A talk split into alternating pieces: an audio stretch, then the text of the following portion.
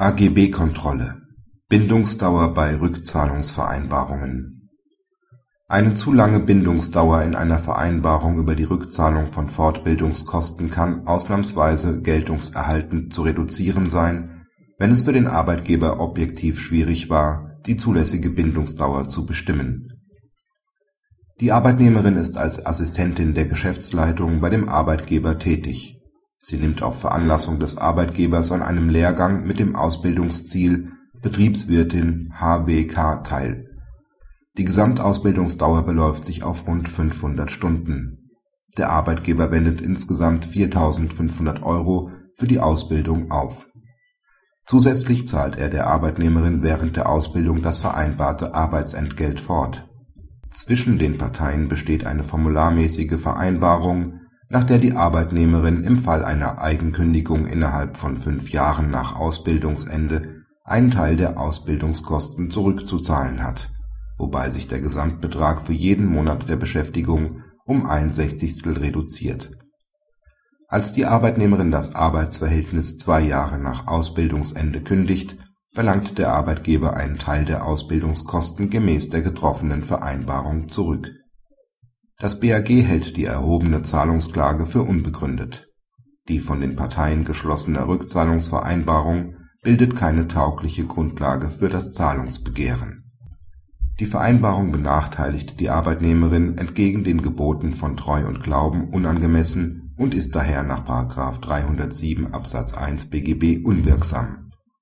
An den von der Rechtsprechung für eine Inhaltskontrolle von Rückzahlungsklauseln entwickelten Grundsätzen hat sich durch die Schuldrechtsreform grundsätzlich nichts geändert.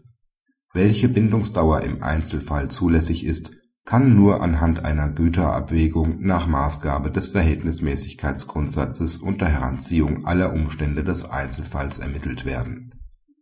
Dabei müssen insbesondere die Vorteile der Ausbildung und die Dauer der Bindung in einem angemessenen Verhältnis zueinander stehen vor diesem Hintergrund ist die vom Arbeitgeber verwendete fünfjährige Bindungsklausel unangemessen. Die Ausbildungszeit beläuft sich im Streitfall auf drei Monate und die Gesamtkosten stellen mit rund 4.500 Euro keine außergewöhnliche Belastung für den Arbeitgeber dar.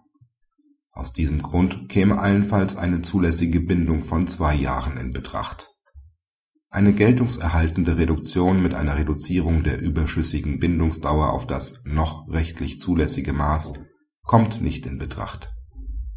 Eine solche Rechtsfolge ist im Gesetz nicht vorgesehen. Auch eine ergänzende Vertragsauslegung scheidet grundsätzlich aus. Sie kommt allenfalls in Betracht, wenn das Festhalten an dem Vertrag bei vollständiger Unwirksamkeit der Klausel für eine Vertragspartei eine unzumutbare Härte darstellen würde das kann bei Rückzahlungsklauseln ausnahmsweise der Fall sein, wenn der Arbeitgeber mit einem ungewöhnlichen Prognoserisiko belastet ist, etwa dann, wenn es für ihn objektiv schwierig war, die zulässige Bindungsdauer zu bestimmen. Ein solcher Fall liegt hier aber nicht vor, da die Vereinbarung einer fünfjährigen Bindungsdauer offensichtlich unwirksam ist. Kritik Mit der Entscheidung gibt das BAG der Praxis Steine statt Brot die gewählte Formel, dass eine ergänzende Vertragsauslegung dann in Betracht zu ziehen ist, wenn es für den Arbeitgeber objektiv schwierig war, die zulässige Bindungsdauer zu ermitteln, ist weder dogmatisch noch rechtstatsächlich geeignet, um die Fälle einer ersatzlosen Unwirksamkeit von Rückzahlungsvereinbarungen gegen eine faktische geltungserhaltende Reduktion zu langer Bindungsfristen abzugrenzen Zudem ist zu bedenken, dass die Unternehmen im Hinblick auf die Umsetzung des AGB-Rechts im Arbeitsrecht ein latentes Prognoserisiko bezüglich aller Vertragsvereinbarungen tragen, solange keine gefestigte Rechtsprechung zu den Einzelfragen besteht. Beispiele hierfür gibt es genug